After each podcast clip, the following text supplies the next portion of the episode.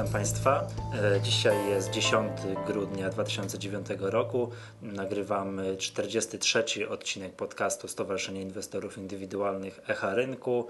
Mam przyjemność gościć w siedzibie Domu Maklerskiego Banku Ochrony Środowiska. Ja nazywam się Michał Masłowski, dzisiaj razem ze mną nagrywa Jacek Tyszko, analityk i makler Domu Maklerskiego Banku Ochrony Środowiska. Tak, tutaj dodajmy niezwykle znany analityk Domu Maklerskiego Banku Ochrony Środowiska. Jacek, powiedz mi, zanim przejdziemy do głównego tematu naszego podcastu, czyli mm, będziemy dzisiaj rozmawiali o oszczędzaniu Polaków na emerytury, o IKE, to powiedz mi, czym zajmujesz się w Domu Maklerskim?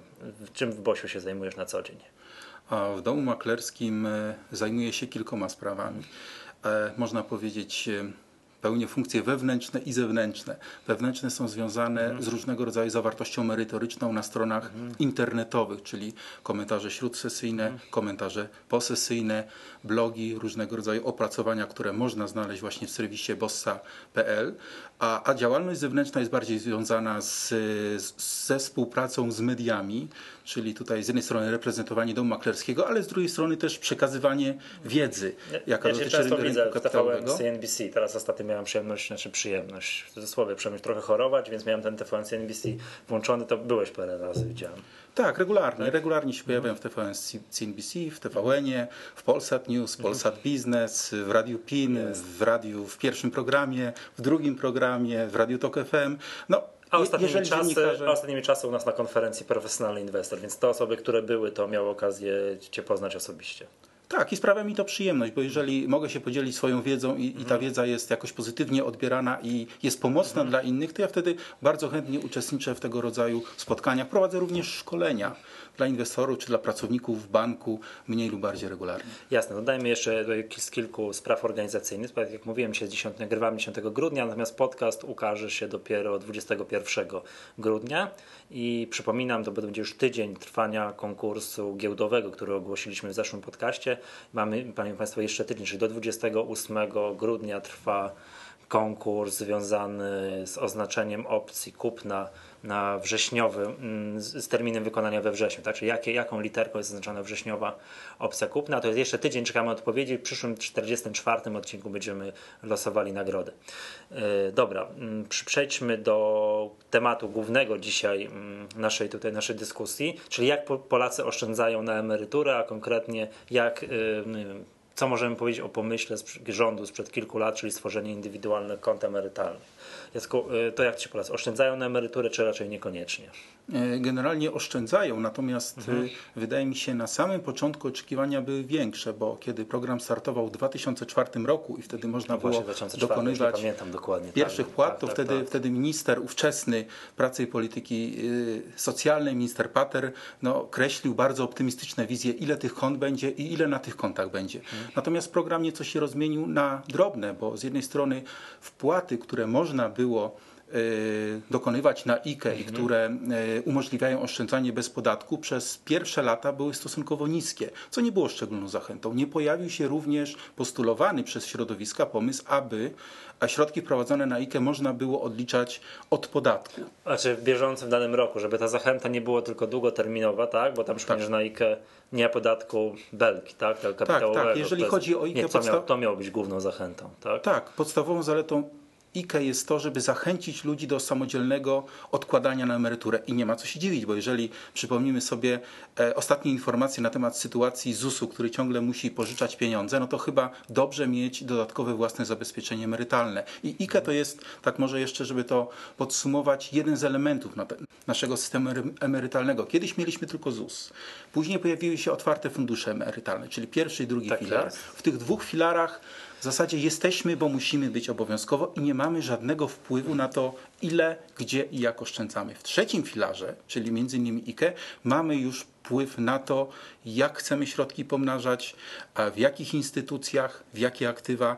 No i w tym momencie mamy realny wpływ na to. No mamy emeryturę. sami, tak. Znaczy to na każdych takich stronach internetowych typu bankier.pl, money.pl zawsze znajdują się jakieś kalkulatory, gdzie można sobie wpisać, że jeżeli zarabiam tyle, będę oszczędzał przez tam 40 lat, to jaka będzie moja emerytura. No i jak ja sobie tak robię, akurat miałem jakiś wykład dla studentów z tej tematyki, porobiłem takie przykładowe obliczenia dla studentów, to, to są zatrważające. O ile mężczyźni jeszcze mają to szczęście, że pracują do 65 roku życia, to kobiety, które przychodzą na emeryturę wcześniej, to już ich sytuacja już jest dramatyczna, jeżeli chodzi o wielkość emerytury. Także no, musimy oszczędzać sami. Musimy rzeczywiście oszczędzać sami, bo grozi nam z jednej strony wydłużenie wieku emerytalnego, a z drugiej strony to, że realne emerytury, te, które otrzymamy z ZUS czy z OFE, no będą po prostu o wiele niższe niż wszyscy spodziewali się jeszcze kilka lat mhm. temu, kiedy reforma emerytalna była przeprowadzona. Więc w tym momencie im więcej sami odłożymy, no to w tym momencie ta emerytura będzie e, bardziej spokojna. Jasne, no, ale bo to już tutaj wspomniałeś poprzednio, że jakby chyba zabrakło. Yy tej zachęty bieżącej, tak? że ta zachęta długoterminowa, że drodzy inwestorzy, tam przyszli emeryci, oszczędzajcie, a podatek zostanie wam darowany gdzieś tam za kilkadziesiąt lat, jest chyba za mało przemawiająca do wyobraźni z tego, co widzę, że no chyba zabrakło tej takiej mm, zachęty krótkoterminowej, prawda, że odpisujcie sobie od podatku chociaż część. E, tak myślę, bo, bo, bo, mhm. taka jest już natura człowieka, że jeżeli oszczędza, czy jeżeli coś planuje, to chce znać perspektywę, czasu, w jakiej będzie mógł mhm. skorzystać z owoców tej, tych swoich inwestycji i im krótsza ta perspektywa, no tym, tym lepiej. Im dłuższa, to mhm. tym więcej bonusów należy takiej osobie przeznaczyć, żeby, je, żeby ją w ogóle zachęcić. W przypadku TFI mówimy o 3-5-letnim okresie oszczędzania, natomiast tutaj jeżeli ktoś w wieku 20 zaczyna odkładać na emeryturę, no to jeżeli pomyśli sobie 40 lat przede mną, a no to nie, nie każdy jest y, w stanie zaakceptować tak długi okres oczekiwania na, na zyski. Jasne. A mm, mówiłeś poprzednio, że jakby te mm, prognozy Ministerstwa Finansów, jeżeli chodzi o otwarte rachunki IKE, y, były optymistyczne. Jakie były te prognozy, a jak teraz aktualnie wygląda aktualna liczba tych kont? Z tego co pamiętam, e, pierwsze prognozy mówiły o tym, że liczba IKE przekroczy 2 miliony w ciągu kilku lat. Natomiast 5 e, lat minęło i mamy w tej chwili na koniec półrocza 2009 roku e, otwartych 833 tysiące IKE we wszystkich instytucjach, czyli, które takie Czyli niespełna połowy tego, co były prognozy.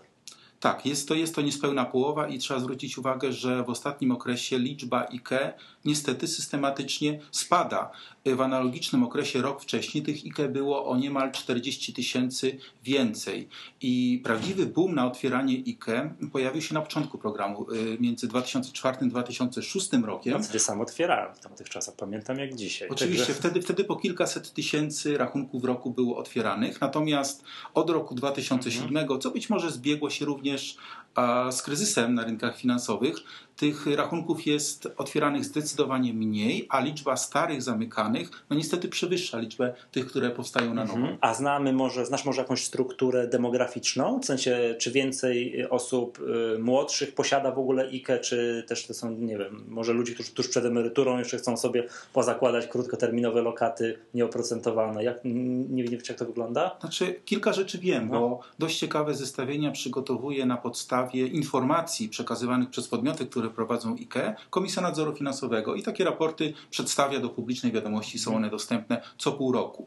I według ostatniego raportu, mhm. właśnie na koniec czerwca 2009 roku, ta struktura jest w miarę równomierna. To znaczy, jeżeli weźmiemy pod uwagę yy, rozłożenie wiekowe co 10 lat, czyli grupa 51-60, 41-50, 61-40 idąc które, w dół. Która jest najwięcej reprezentowana. Dokładnie. Mniej więcej się to rozkłada równo. równo. Natomiast mhm. tak, jest to po 20 kilka procent. Mhm. Natomiast można powiedzieć, że jest taka pewna tendencja wzrostowa, jeżeli chodzi o grupę wiekową 51-60. Ale to może wynikać również z tego, że są to osoby o najbardziej stabilnych dochodach i najmniejszych obciążeniach, które po prostu mogą sobie pozwolić. To raz, żeby... a dwa, że oni widzą ten koniec. To nie jest dla nich 40 letnia lokata terminowa, tylko to jest tam powiedzmy sobie pięcioletnia, Dokładnie, perspektywa mhm. skorzystania z tego zysku jest, jest, jest, jest dość bliska a, i to trzeba też wziąć pod uwagę. Natomiast jeżeli przyjrzymy się już strukturze poszczególnych podmiotów, bo mamy tu może warto wspomnieć cztery grupy podmiotów, które mogą mhm. prowadzić IKE. Są to domy maklerskie, mhm. banki, e, towarzystwa funduszy inwestycyjnych i firmy ubezpieczeniowe.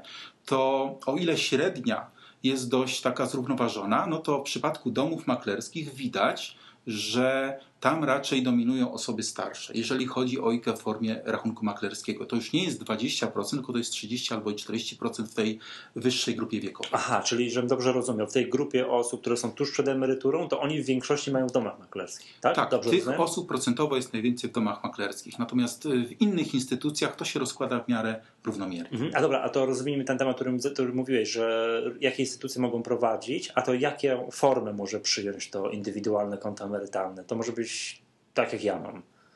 Lokata terminowa, taki tam Tak, to rachunek. jest, to jest ściśle związane. Kto A. prowadzi, co może prowadzić. Mhm, Jeżeli chodzi o pierwszą grupę, domy maklerskie, wiadomo, że jest to forma rachunku maklerskiego. Jeżeli chodzi o TFI, są to rejestry, gdzie można nabywać różnego rodzaju jednostki towarzystw Mhm. funduszy inwestycyjnych. Trzecia grupa to są banki i oczywiście są to najczęściej lokaty. Jeżeli chodzi o firmy ubezpieczeniowe, są to najczęściej różnego rodzaju polisy, Są część takie produkty łączone, tak? Oczywiście, Czy, polisa, czy która część ubezpieczeniowa i część tam Inwestycyjna. inwestycyjna. Dokładnie, w ten sposób to wygląda. I w każdym przypadku te rachunki muszą być e, wyodrębnione, a środki osobno rejestrowane. Mhm, W przeciwieństwie, czyli można mieć jednocześnie jednostki uczestnictwa w TFI zwykłe Tak. i jednostki uczestnictwa, ale zgromadzone na IKE, Na i IKE. w żaden sposób się nie łączy. Jasne. A czy któryś y, z tych rodzajów rachunków jakoś, nie wiem, zdecydowanie byś odradził? Że powiedział, drodzy Państwo, to nie jest naj, najrozsądniejsze oszczędzanie przez któryś z tych produktów. Wydaje mi się, że, że każda forma rachunku jest dobra, natomiast y, Że do, dobrze, jeżeli ktoś oszczędza już, to już bardzo dobrze. To Oczywiście. już trzeba go pochwalić. Natomiast tak? dobrze jest skalkulować możliwe Tak. koszty i przychody, bo jeżeli Mhm. weźmiemy pod uwagę na przykład możliwość samodzielnego kupna obligacji na IKE, na przykład e, poprzez rachunek maklerski, to jedynym kosztem w tym momencie jest prowizja maklerska. I koniec. Tak, natomiast Dokładnie. jeżeli wybierzemy sobie e, produkt TFI, gdzie będą jednostki właśnie funduszu, który inwestuje w obligacje, to tam tych kosztów będzie trochę więcej. Oczywiście, wiesz co, bo mnie tutaj, ym, my regularnie nagrywamy czasami jakiś podcast edukacyjny z Jarkiem Augustynowiczem, nie wiem, czy kojarzysz tym, co Oczywiście. tam trzecie miejsce zajął w Parkiet Challenge. On oprócz tego, że gra na kontraktach, to jest y, jakby też nastawione to myślenie emerytalne i oszczędzanie i jakby tutaj mamy rozłożone na części pierwsze, ile różnego rodzaju fundusze inwestycyjne no, pobierają bardzo wysokie prowizje od tego oszczędzania. Także też no, ja tu staram się podczas mo- moich różnego rodzaju wystąpień, mówiąc wprost, zniechęcić ludzi do oszczędzania przez TFI, szczególnie jeżeli nie są aktywnymi inwestorami, bo mogą sobie to samo zrobić samemu poprzez rachunek maklerski. Tak? Do- I te do- Dokładnie prowizje. tak. Wszystko zależy od tego, kto jakim jest inwestorem i jaki chce wybrać produkt. Bo Aha. jeżeli ktoś sobie powie tak, chcę zainwestować w giełdę, ale się na tym nie znam, to chyba lepiej jest kupić te jednostki TFI, prawda, w jakimś funduszu, nazwijmy to, który inwestuje w sposób zbliżony do rozkładu spółek WIG-20, prawda, czyli kupujemy sobie WIG-20. No chyba, że pojawi się na giełdzie w końcu ETF na WIG-20 i będzie go można samodzielnie kupić na rachunek Znaczy teraz maklerski. mini-wiga można kupić, powiedzmy sobie. Także No właśnie nie do Nie? końca tak, dlatego że jeżeli chodzi o to, co możemy kupić na rachunek maklerski, to niestety Aha. są tu wyłączone A, jeżeli taki- instrumenty. Tak, takie, tak, tak, tak, tak, tak, że mimo tego, że na miniwigu nie ma dźwigni, więc nie jest to tak, ten instrument o podwyższonym ryzyku, to że mówimy o, w kontekście IKE, to nie może tam kupić pochodni. Tak, teoretycznie ustawa daje taką możliwość, że można zawierać e, transakcje na instru- instrumentach pochodnych, jeżeli służą one Mhm. zabezpieczaniu portfela. Natomiast ocena tego jest tak problematyczna i tak dwuznaczna, że w zasadzie żaden dom maklerski tego nie umożliwi. Czyli inwestorzy mogą inwestować w akcje, obligacje, Mhm. e, certyfikaty strukturyzowane, czyli te, te, te podstawowe instrumenty, które nie niosą za sobą dźwigni finansowej. Jasne. Jeszcze wracając tutaj do Twojej myśli, z którą się mógł y, o tym, że ktoś się nie zna na giełdzie, to powinien iść do TFI, to ja się oczywiście nie zgadzam, prawda? Także mam taką teorię, że jak ktoś się nie zna na giełdzie, to dla niego najlepszym momentem, najlepszym wyborem jest lokata terminowa. Albo Bo- obligacje. O, tak, albo obligacje, bo jakby y, ta nieznajomość giełdy nie zwalnia inwestora od wyboru momentu, kiedy on powinien kupić na przykład jednostki funduszu inwestycyjnego, kiedy powinien sprzedać, bo to okazuje się, że to, to na przykład za straty na jego rachunku takim wiem, kup jak jednostki inwestycyjne odpowiada on sam, a nie ten zarządzający, bo oni tak naprawdę niewiele mogą zrobić. Oni tak jak mówiłeś, bardzo często naśladują jakiś indeks. Oczywiście, no ale warto zwrócić uwagę na to, że jeżeli ktoś tak czy owak chce kupić jednostki IKE, przepraszam, nie jednostki IKE, jednostki. TFI, to lepiej zrobić to jeżeli chcemy długoterminowo inwestować przez IKE niż poza IKE. A tak, na IKE tak, nie tak, będzie tak, mieć tak. podatku, A to nie ma- przy a to tradycyjnym nie nie będzie ulega- podatek. to- Czyli jeżeli wybieramy między TFI a TFI, to wybierzmy to TFI, gdzie mamy IKE, a nie gdzie tego IKE nie mamy. Tym bardziej, że od 2009 roku limity kwot, które możemy na IKE wpłacać, uległy znacznemu podwyższeniu. Tak. Wcześniej było to skonstruowane jako półtora krotność prognozowanego wynagrodzenia ustawy budżetowej na rok kolejny, a teraz mamy trzykrotność, czyli rok temu było to 4 tysiące, a w tym roku jest to ponad 9,5 tysiąca, Tak. czyli są to już kwoty warte grzechu. Powiedziałem tak, z punktu widzenia takiego oszczędzania długoterminowego, emerytalnego, to te 9 tysięcy rocznie brzmi już moim zdaniem bardzo przekonująco. Tak? Oczywiście, nawet, nawet przy niskiej y, stopie zwrotu jako do obligacji czy lokat, no to ten procent składany przez kilka, kilkanaście lat no, da nam dużą różnicę względem takiej zwykłej lokaty, gdzie płacimy jednak podatek od belki i te 19% jest odprowadzane od Oczywiście to ma ogromne znaczenie tutaj, także potęga procentu składanego to każdy student ekonomii powinien przerabiać od razu na Oczywiście, pierwszy. Każdy przerabia, ale nie każdy z tego korzysta. E, tak, tak, tak, tak, tak. Dobra, a jeszcze czyli tak, to mi był taki smutny wniosek, że niestety mm, inwestorzy, inwestorzy, generalnie Polacy zamykają tę IKE, tak? Jest więcej tych umorzeń, tak, zamknięć e, rachunków niż, niż nowo zakładanych. To chyba faktycznie wynika, że jak z kryzysu i troszkę, nie wiem, społeczeństwo zbiedniało, tak? Ludzie muszą kredyty spłacać i szukają gdziekolwiek pieniędzy. Tak, tak. To, to, to nie wynika tylko z tego, że, że IKE nam się nie podoba, ale trochę z sytuacji na rynku kapitałowym. Czyli faktycznie te, te kredyty hipoteczne, które stały się bardzo powszechne i gdzie obciążenia wzrosły w związku z A pracę zachowaniem złotego. raczej tracimy niż zyskujemy ostatnio, także... Dokładnie, stopa bezrobocia też rośnie, no ale zaletą IKE jest to, że nie musimy oszczędzać systematycznie, czyli jeżeli otworzyliśmy IKE, a to nie znaczy, że musimy co rok odkładać, co miesiąc, co, co dwa lata, możemy przez kilka lat nie odkładać w ogóle. I Tak, będą tylko te środki, oczywiście, momencie. które wcze- wcześniej zainwestowaliśmy, które cały czas będą procentować. Natomiast jest też grupa osób, które, mu, która musi te środki wypłacić z różnego rodzaju No wiadomo, powodów. są I na życiowe szczęście, sytuacje, I na także- szczęście taka możliwość jest, bo pierwsza ustawa o IKE nie dawała możliwości wypłaty środków przed e, terminem Nie, nie było takiej możliwości? To, a to, Znaczy- było, to było w projekcie, czy to było to przez znaczy, chwilę funkcjonowało? znaczy nie dawała, ale w tym sensie, że niosła za sobą bardzo poważne konsekwencje. Bo pierwszy projekt i pierwsza ustawa IKE brzmiała w ten sposób. Jeżeli oszczędzasz na IKE, wpłacasz i chcesz wycofać środki przed uzyskaniem uprawnień emerytalnych, możesz to zrobić, zapłacisz podatek wstecz, ale już nigdy nie otworzysz kolejnego IKE.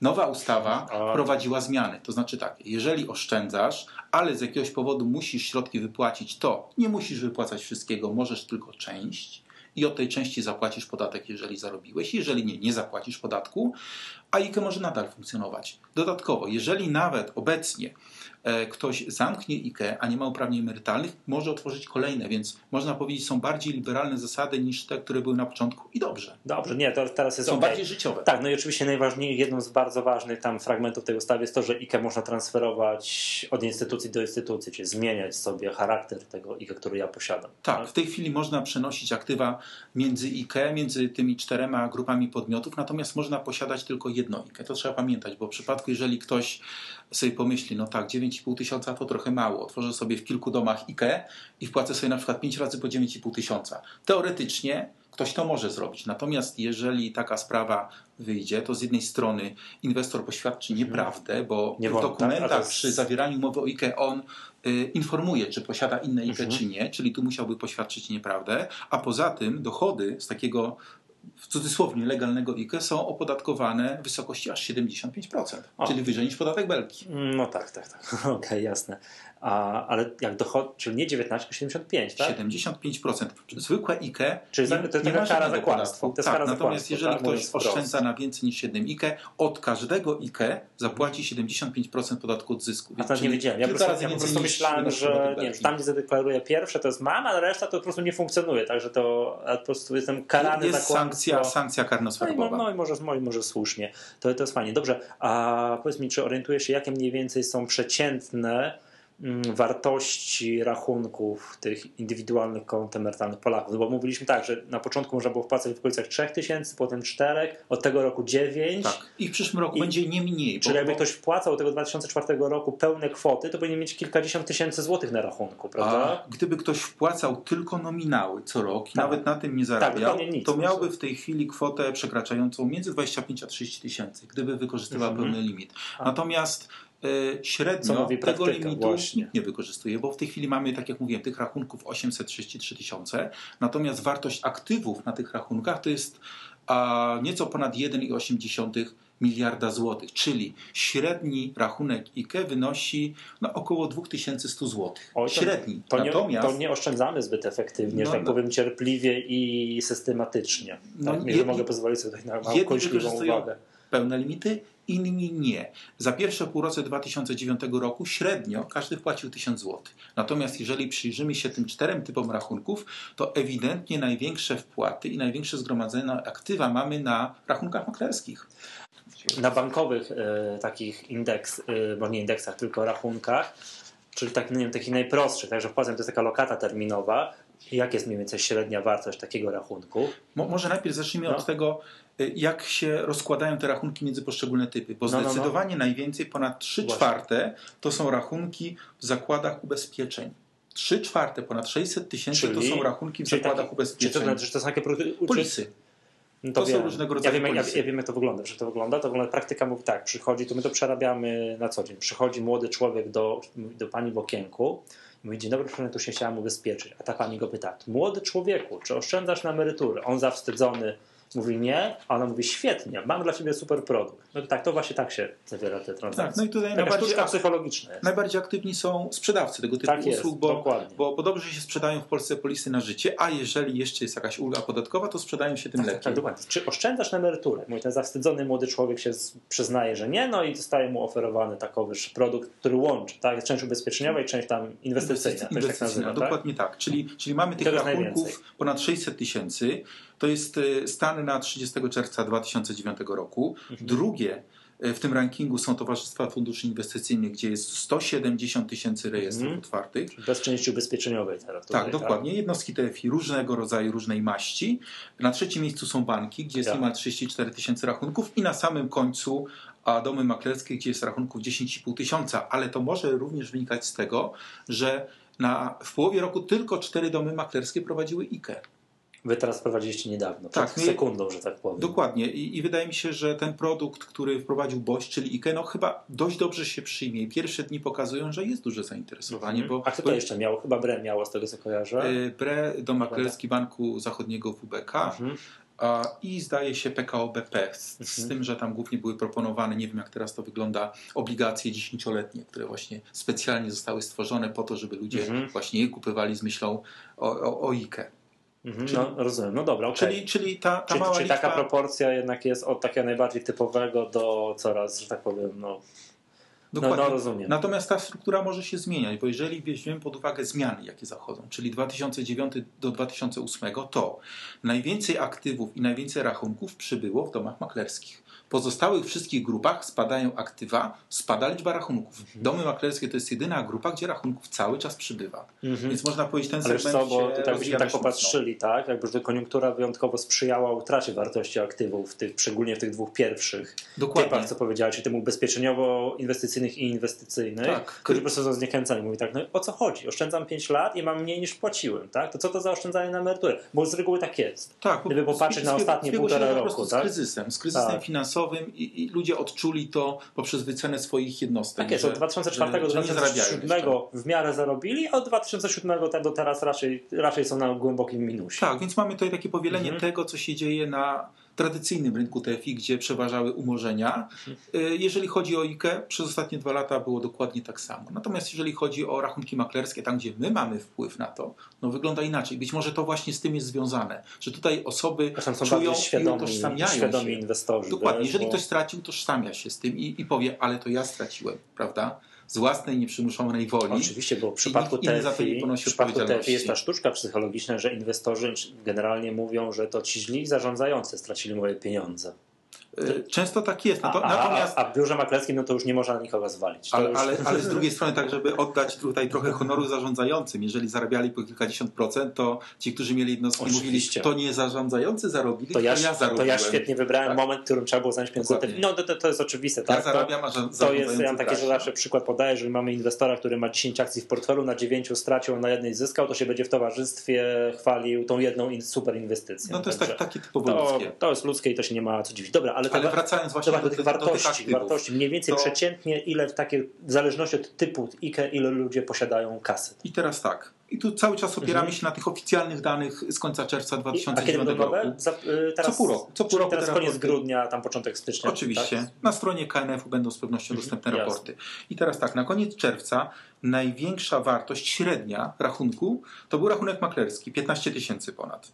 O. W banku średnio zgromadzili posiadacze IKE 6,5 tysiąca mhm. ponad, w TFI ponad 3,5 tysiąca, E, w zakładach ubezpieczeniowych niecałe 1300. To malutko, ale to dlatego, że oni jak bo to, ja wiem dlaczego to pierwsze jest, bo ktoś sobie psychicznie tak mówi w głowie, dobra, odkładam 100 zł miesięcznie, tak? I tam trzeba 150.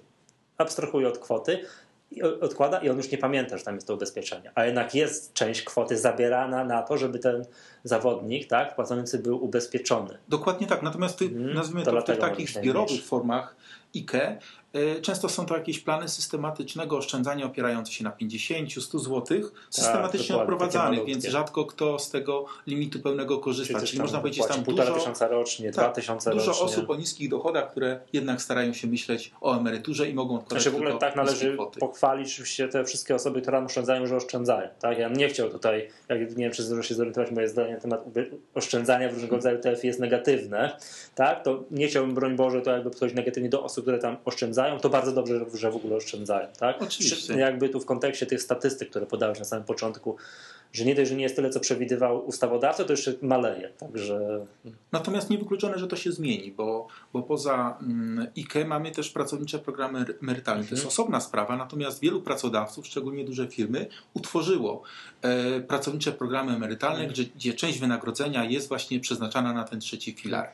I ustawodawca dał nam taką możliwość, że te środki, które mamy w tym trzecim filarze w ramach pracowniczego programu emerytalnego, też możemy przenieść na własne IKE. Ja to zrobiłem. Kiedyś mhm. pracowałem w domu maklerskim PKSA, gdzie, no właśnie, gdzie tak, pracownicy tak, tak, byli pamiętam, objęci tym, tym programem. Kiedy zmieniłem pracę, te środki nadal pracowały. Można powiedzieć tak, nie do końca byłem zadowolony z wyników i kiedy pojawiła się możliwość, dokonałem wypłaty transferowej na własne IKE i teraz sam odpowiadam za, za wyniki inwestycyjne. No tak, tak. Teraz nie ma, ale to, to jest z jednej strony dobrze, bo sam odpowiadasz, a z drugiej strony źle, bo nie będziesz miał, mógł zrzucić winy na kogoś innego. Dobra. No tak, ale jest taka możliwość, więc można powiedzieć, y, zmiany w ustawie IKE y, zaczynają iść w dobrym kierunku. Może mhm. jeszcze nie tym optymalnym, ale, ale kilka naprawdę dobrych zmian zostało dokonanych. Mhm, dobra, mam takie pytanie mm, odnośnie jak patrzycie, wiem to w Bosiu od niedawna macie to IKE, ale tam no, wiem, jak patrzycie może jakąkolwiek strukturę portfeli klientów. Co dominuje w takich portfelach? Czy ludzie kupują akcje jakieś, nie wiem, dywidendowe, czy raczej koncentrują się w większości na obligacjach? Mniej więcej bo ustaliliśmy, że nie mogą w pochodne inwestować. Tak, no i dobra, to nie inwestują. To... Za wcześnie. Mo, może, za, za, wcześnie, jeżeli chodzi bo, o może i dobrze, bo, bo, bo, bo, krótko, bo pokusa spekulacji jest tak ogromna.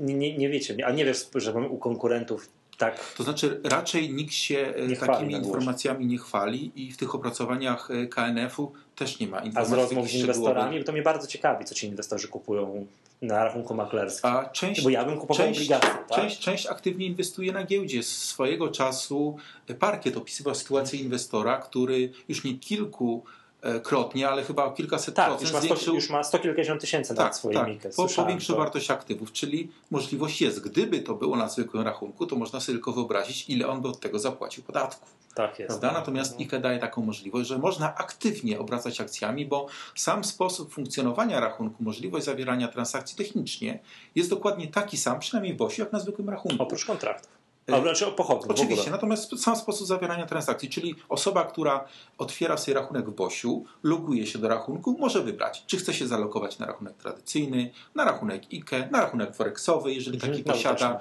czy na rachunek praw pochodnych. Czyli można powiedzieć, pod jednym hasłem są wszystkie rachunki. Jasne, nie, no to nie, faktycznie, jeżeli ktoś jest dobrym inwestorem, tak, na takich nie brakuje, tak, tylko oczywiście, natomiast jeżeli... często się go dobrze kamuflują, to oczywiście może też na emeryturę oszczędzać, tak, no bo poprawię, że spekulując. Tak, także... natomiast jeżeli ktoś jest ostrożnym inwestorem, to ja bym też zachęcał do tego, żeby otwierać rachunki maklerskie, bo po co kupować obligacje zwykłe, prawda, yy, i trzymać je do wykupu, jeżeli można te same obligacje kupić sobie na IKE i nie zapłacić 9 19% podatku Tak, no, odsetek. szczególnie jeżeli myślimy tam o inwestowaniu tym już w Dokładnie, a są kontekście takie osoby, szczególnie starsze, które systematycznie kupują obligacje i co rok, czy co dwa lata, czy co trzy Odnawiają, odnawiają tak czy zapisują To się w ramach o, o, to dla nich to już jest. IKE wymarzone. Tak, takie, i te osoby mają krótki czas do emerytury, często, i mogą sobie pozwolić na to, żeby 5 nawet lat tak jest, e, to, odkładać właśnie na te obligacje i, i dla nich to jest, Dokładnie. to, jest, to jest duża różnica. to, dla, bo- to bo- dla bo- takich osób to już w ogóle wymarzone jest. Oczywiście, także- bo Mhm. coś w tym jest, że osoby starsze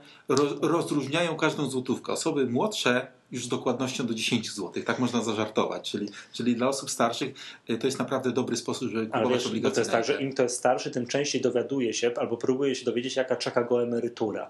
Wiesz, i to dlatego może. To Albo już emeryturę dostaje, bo co albo, ciekawe, Albo, albo dostaje i widzi i myśli, o kurczę, to jednak trzeba troszkę pooszczędzać. bo, bo będąc na emeryturę też można założyć IKE. Też? Tak, emeryci mogą zakładać IKE, tylko tu jest, czyli- tylko czyli- tu jest jeden kruczek. Czyli jak, przepraszam, jak ja mam IKE, to ja go nie muszę rozwiązać przed Nie. 65 rokiem. Nie. Mogę sobie tam pooszczędzać. Czy dobrze się czuję, tak? Tak, tak, czyli można powiedzieć tak. Stwierdzam, że dożyję setki. Otwieram, tak. Otworzyliśmy sobie IKE, przechodzimy na emeryturę, nie musimy go wcale zamykać. Możemy w dalszym ciągu wpłacać, odkładać. Natomiast jeżeli jesteśmy na emeryturze i nas skusi, żeby to IKE zamknąć albo część środków wypłacić Mhm. i, i w konsekwencji wypłacać już kolejne, bo to się z tym wiąże, kolejnego IKE już nie Nie otworzymy, otworzymy. ani nowych środków nie wpłacimy. Jeż- Jeżeli jesteśmy przed emeryturą, to możemy IKE zamknąć, otworzymy kolejne. Będąc na emeryturze, jeżeli IKE zamkniemy, kolejnego już nie A otworzymy. czy będąc na emeryturze i mając to stare, otwarte IKE, możemy tam dopłacać pieniądze? Możemy. A, możemy. Możemy, okej. możemy. Wyznacznikiem jest to, czy zaczęliśmy wypłacać. Jak zaczęliśmy wypłacać, koniec z wpłatami, koniec z IKE. Jasne.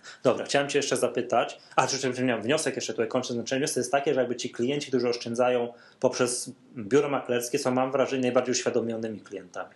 Tak, najbardziej świadomi, Bo najba, to najbardziej jakby wią, aktywni. wiąże się, są, to wynika wprost wręcz z tej, z tej wysokości rachunku. Bo mówiliśmy też o wysokości rachunków, ale też w statystykach jest informacja o wpłatach, jakie były dokonywane w Mhm. 2009. Mhm. Tak, średnio na rachunek maklerski inwestorzy wpłacili ponad 4,5 tysiąca w 2009 roku, a w towarzystwach ubezpieczeniowych niecałe 700 zł. Czyli można powiedzieć, inwestorzy w domach maklerskich też wpłacają średnie wyższe kwoty niż w innych instytucjach. Czyli są to, można powiedzieć, w jakiś sposób ludzie bardziej i zorientowani, ale też i bardziej majętni. Jasne. No cóż, to jakby tutaj wybór jest każdego. No co, co by nie było, to ja tak się zachęcam do oszczędzania, tak? bo mając na uwadze te wszystkie statystyki, które z mojego punktu widzenia są przerażające, to jakakolwiek oszczędzania, kto nie wybierze, to i tak będzie dobrze. Oczywiście i wbrew pozorom, tak jak się często uważa, nie zawsze tylko kobiety są zapobiegliwe, bo, bo różnica między kobietami a mężczyznami, które, którzy decydują się na otwarcie IKE jest stosunkowo niewielka. I są tylko różnice w pewnych grupach wiekowych, natomiast Mhm. można powiedzieć w dużym uproszczeniu, że to się rozkłada po Podobnie. połowie, czyli, czyli mężczyźni też potrafią zadbać o swoją Mhm. emeryturę. Dobra, jest no, na koniec, już jakby nie- mniej związane z IKE, ale jakby to jest z tym oszczędzaniem emerytalnym. Chciałem Cię zapytać o Twoją opinię na temat pomysłu rządu, żeby zabrać OFE, czyli drugiemu filarowi z kolei, te pieniądze, które oni byli, y, które, które OFE przeznaczały na, na zakup obligacji i żeby robił to, nie wiem, za nie ZUS, czy skomentuj, jak z Twojego punktu widzenia ten pomysł wygląda. Przyznam, ja nie jestem zwolennikiem majstrowania w przepisach, które obowiązują i mają z założenia obowiązywać na długie lata. Na Natomiast lat, sam dokładnie. ten projekt ma swoje plusy, zgodzę się. Mhm. Natomiast ja bym go nieco zmodyfikował. Y, A, a dlaczego? Y, Zacznijmy od kosztu. W tej Mhm. chwili y, stawki, jakie pobierają OFE, zostały obniżone z 7 na maksymalnie 3,5%. A to jest ta stawka, ta 7 to jest za, za zarządzanie, czy za to, jak ja przychodzę Nie, i wpłacam To kasę? są stawki od tych środków, które przekazuje ZUS do To jest OFE. tak zwana opłata dystrybucyjna, że się tak wyrażę, którąś, tak? Czyli jak ja wpłacam i one zanim przeliczą na jakiekolwiek jednostki, to, na, to mi zabierają Tak, 3%. jeżeli ZUS no. przekazuje 100, no to pomnażane jest tylko 93. To jest bardzo dużo. I jeżeli ponad połowa naszych środków jest w obligacjach, to możemy sobie przy obecnym poziomie stóp procentowych tylko wyobrazić, że w zasadzie. e, Dwa lata muszą minąć, albo półtora roku, zanim ja w ogóle odzyskam te 100. Dokładnie. Zanim dokładnie. ja w ogóle wrócę do po, po, kwoty, którą wpłaciłem. Natomiast gdybyśmy samodzielnie kupowali za te obligacje, no to powiedzmy bylibyśmy rocznie o te 3,5% do przodu. Gdyby to Mhm. robił ZUS i faktycznie te same obligacje kupował, no to też bylibyśmy o te 3,5% Mhm. w tej części, która stanowi ponad połowę naszych e, odprowadzanych składek do przodu. Czyli Mhm. z punktu widzenia osoby, która myśli o emeryturze, to byłby dobry pomysł. Z punktu widzenia prowadzenia biznesu zły. Natomiast być może znajdzie się jakieś pyrusowe rozwiązania. Takim rozwiązaniem byłoby to, Znaczy, żeby Nie, nie rozumiem dlaczego z którego punktu widzenia zły, bo nie zrozumiałem. z punktu widzenia no. e, firm, które prowadzą e, otwarte fundusze A, to mnie emerytalne, niewiele interesuje, przyznam szczerze. No, ale, ale, ale, mnie trzeba, inter- ale no. trzeba brać również pod uwagę no, ich punkt widzenia. My mówimy jako przyszli emeryci. No właśnie, Dla nas jest- byłoby dobre rozwiązanie, aby jak najwięcej środków pracowało na jak najniższych opłatach prowizyjnych. Prawda? Natomiast jeżeli ktoś prowadzi e, przedsiębiorstwo, postawmy się z drugiej strony, no to dla niego jest to jakieś zaburzenie prawda, prowadzonej działalności. I wydaje mi się, że zmiany powinny pójść, żeby zadowolić jednych i drugich w tym kierunku, aby nastąpiło różnicowanie Opłat. typów i typów opłat i typów e, klas aktywów, prawda? Czyli na przykład, aby osoba mogła sobie wybierać, Mhm. czy chce inwestować agresywnie i wtedy na przykład od tego, od składek jest odprowadzane 3%, Mhm. czy y, jest skłonna inwestować bardzo bezpiecznie i wtedy jest od tego odprowadzane tylko 0,5%.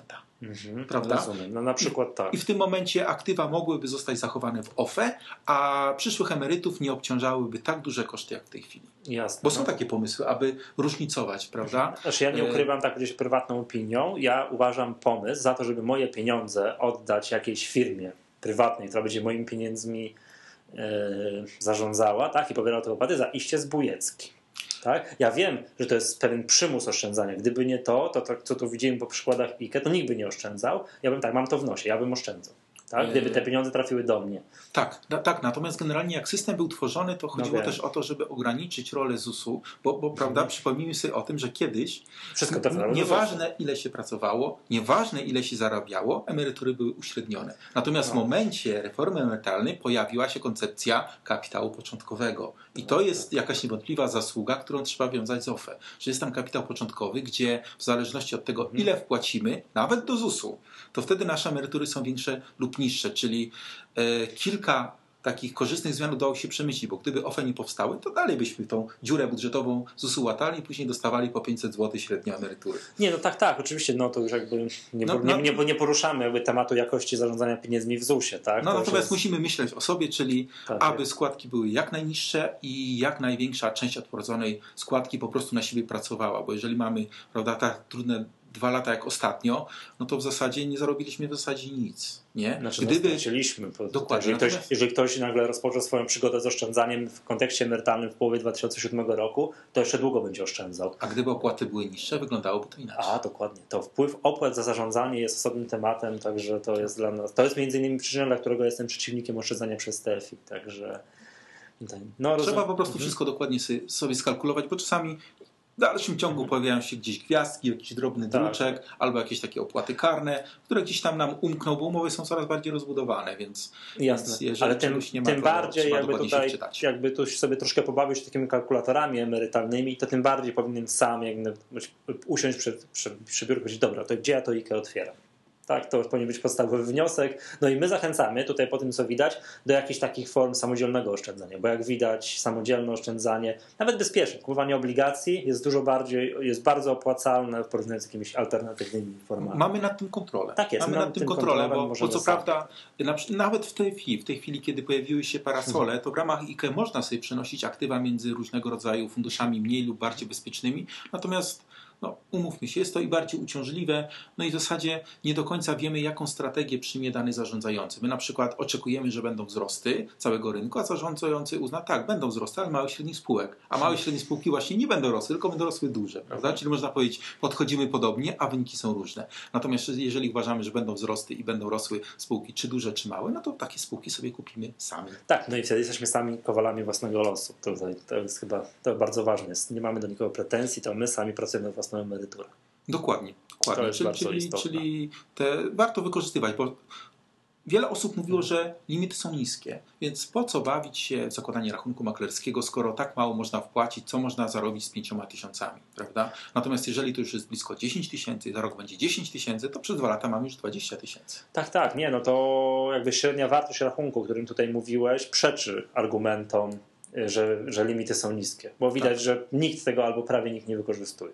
Dokładnie. W domach Mhm. maklerskich ta, ta, ta wartość jest cały czas wysoka, co tylko pokazuje, że no jest potrzeba e, Wszystko oszczędzania, limitami. oszczędzania Wszystko jest okej formie. z tymi limitami. Dokładnie. Tylko, tylko cały czas przydałyby się jakieś dodatkowe zachęty, no ale przy No obecnej sytuacji budżetu żeby- chyba Tak, żeby, będzie no oczywiście to ja marzę o tym, żeby chociaż część kwot wpłacanych do IKE, żeby chociaż część, jakiś procent można było odpisać, nie wiem, od dochodu, podatku i tak dalej. Coś takiego, to byłoby fantastyczne rozwiązanie, które moim zdaniem dałoby ogromnego no, kopa temu, nie wiem, no, jakby rynkowi, prawda? Tak. Także Przynajmniej część, no bo prawie wszystkie ulgi znikły.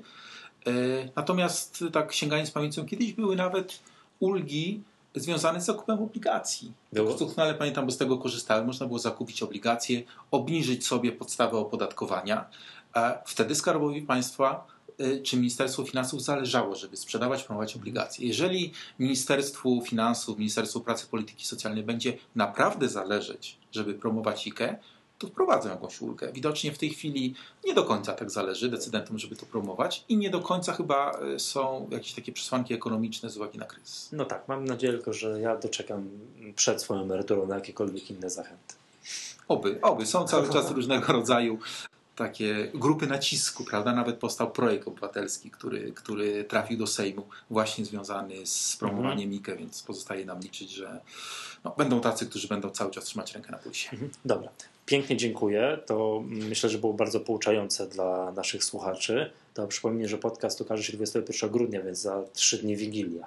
To pozostaje nam życzyć słuchaczom wesołych świąt i jakichś takich może życzeń związanych z rynkiem kapitałowym. Dokładnie, spokojnych świąt i żeby, nawet jeżeli nie będzie rajdu świętego Mikołaja, żeby ten święty Mikołaj w końcówce roku nie zniknął, Mhm.